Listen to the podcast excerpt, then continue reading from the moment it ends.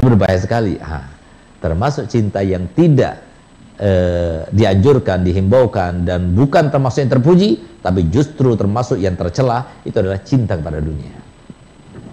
Dan herannya, kita bicara masa cinta pada dunia, kenapa cinta pada dunia itu dilarang? Kenapa tidak sesuai dengan logika? Coba lihat. Dunia itu apa sih? Dunia itu diibaratkan oleh Imam Ali bin Abi Thalib, ya. Dunia itu terdiri daripada beberapa hal. Terdiri pada makanan. Sebaik-baik makanan apa? Sebaik-baik makanan madu. Madu itu keluarnya dari mana? Nah, keluarnya itu dari kotorannya lebah. Kemudian sebaik-baik pakaian apa sih? Sutra. Sutra itu keluar dari mana? Dari kotorannya ulat sutra, gitu kan? Nah, jadi biar kita tahu, ini tujuan-tujuan daripada dunia. Eh, pakaian, makanan, perempuan, ya tempat tinggal, eh, kendaraan, ya dan sebagainya. Ini kan tujuan-tujuannya, ya kan? Lalu ada perantaranya, medianya untuk kita mendapatkan tujuan itu. Apa itu uang? Di sini yang paling menguasai dan paling merangkap dan paling e, menjaring ya seseorang itu untuk cinta itu cinta itu kepada uangnya. Cinta kepada medianya gitu. Sehingga mohon maaf kalau benar kita itu cinta pada dunia ya harusnya kita menikmatinya kan? Ya tapi banyak orang kaya tidak menikmatinya. Uang itu hanya ditumpuk. Ya kan? Padahal maksudnya uang itu apa sih? Uang itu untuk membeli uang itu untuk menikmati, untuk dinikmati untuk menikmati untuk membeli sesuatu yang kita menikmatinya harusnya seperti itu kan ini enggak, uangnya ditumpuk. Uangnya beli tanah. Untuk apa? Investasi masa depan. Ya. Uangnya beli mobil, tapi mobil itu nggak dipakai sama kita. Uangnya beli rumah, rumah itu nggak ditempati oleh kita. Dan sebagainya. Apakah ini termasuk orang yang termasuk yang logis? Enggak. Kenapa dia tidak menikmatinya? Menikmati itu kan ada dua macam. Menikmati di dunia, menikmati di akhirat. Nah, itu sama-sama menikmati. Kalau seumpama sesuai dengan seperti itu, maka berarti dia termasuk yang benar-benar sesuai dengan logikanya. Kenapa? Benar-benar dia itu memanfaatkan dan benar-benar dia itu menghargai usaha dan upayanya mencari dunia. Kenapa? Yang berhak untuk menikmatinya siapa? Yang mencari dong. Yang capek siapa? Yang mikir siapa? Yang keluar keringat siapa? Dia kan? Dia harusnya yang paling berhak untuk mendapatkannya.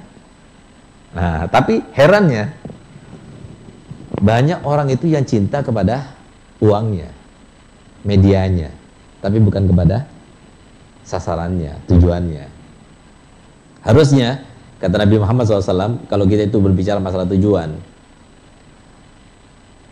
setiap orang yang pada pagi hari dia mendapatkan makanannya sampai malam hari, dia mendapatkan badannya sehat walafiat, dia mendapatkan naungan yang bisa menaunginya daripada matahari dan hujan, maka orang yang seperti itu kata Nabi Muhammad seakan-akan dunia dan seisinya telah diperuntukkan untuknya.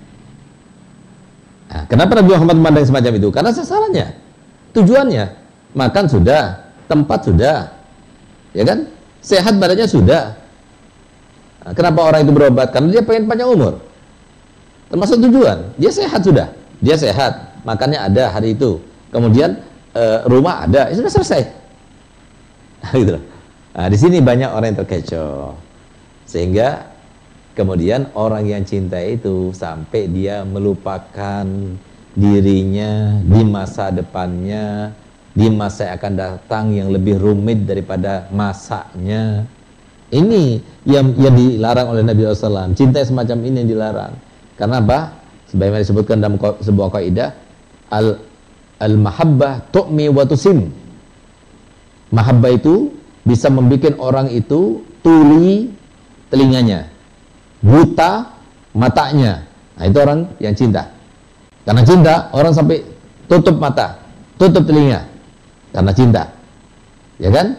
Nah, akhirnya gara-gara dunia, dia tutup mata, dia tutup telinga, nggak mau mendengar hadis Nabi, nggak mau mendengar ayat Al-Quran, nggak mau dia itu membaca, melihat orang soleh, nggak mau dia itu mendengar apa yang ditegurkan kepadanya, yang diancamkan kepadanya melalui para ulama dan sebagainya akhirnya dia nggak mengeluarkan zakat dia mengambil harta daripada hal-hal yang haram dia kemudian apa e, menggunakannya bukan untuk e, sesuatu yang halal atau yang diridhoi oleh Allah Taala ini yang ditakutkan oleh Nabi Muhammad SAW. Nah, oleh karenanya cinta dunia yang dilarang oleh Nabi cinta dunia. Tapi dia tidak pernah Nabi SAW melarang untuk jangan mencari dunia, enggak, enggak pernah. Bahkan Allah Taala di dalam Al-Qur'an mengatakan wabtaghi fi ma atakallah ad-daral akhirah wa la tansa nasibaka minad dunya. Cari sebaik-baiknya. Urusan akhiratmu cari. Jadikan semua waktumu kebanyakan untuk urusan akhiratmu, tapi jangan lupakan urusan duniamu. Nah, kemudian di dalam Al-Qur'an surat Al-Jumu'ah sebutkan kalau kalian sudah melaksanakan sholat Jum'ah, fantasyiru. Makanya kalian itu tersebarlah, bersebarlah ke e, permukaan bumi. Carilah daripada rahmat yang Allah turunkan kepada yang Allah peruntukkan untuk kalian. Perintahkan. Perintahkan Nabi. Bahkan Nabi SAW juga memuji dunia. Ya. Nikmatid dunia inda rajulin soleh. Sebaik dunia kalau dunia itu berada di tangan orang yang soleh. Berapa kali Nabi Muhammad memuji dunianya Nabi Utsman? Berapa kali Nabi Muhammad memuji dunianya Sayyidina, Sayyidina Abdurrahman bin uh, Abdurrahman uh, apa? bin Auf, ah, gitu. Nah, dia salah satu daripada uh, konglomeratnya sahabat Nabi. Nah, coba di, dun, di, dipuji, dunia itu dipuji. Dan kita hidup di dunia, nggak mungkin kita tidak butuhkan dunia. Tapi yang dilarang oleh Nabi bukan mencari dunia, bukan mengumpulkan dunia. Tapi yang dilarang oleh Nabi SAW itu sampai mencintai dunia, memikirkan dunia terus, dan kemudian jadikan dunia itu adalah alasan untuk kita memutuskan tali silaturahmi, untuk kita tidak sholat lima waktu, untuk kita tidak mau melaksanakan perintah Allah, untuk kita melaksanakan atau apa melakukan sesuatu yang dilarang oleh Allah Taala. Ah, ini yang dilarang oleh Nabi SAW.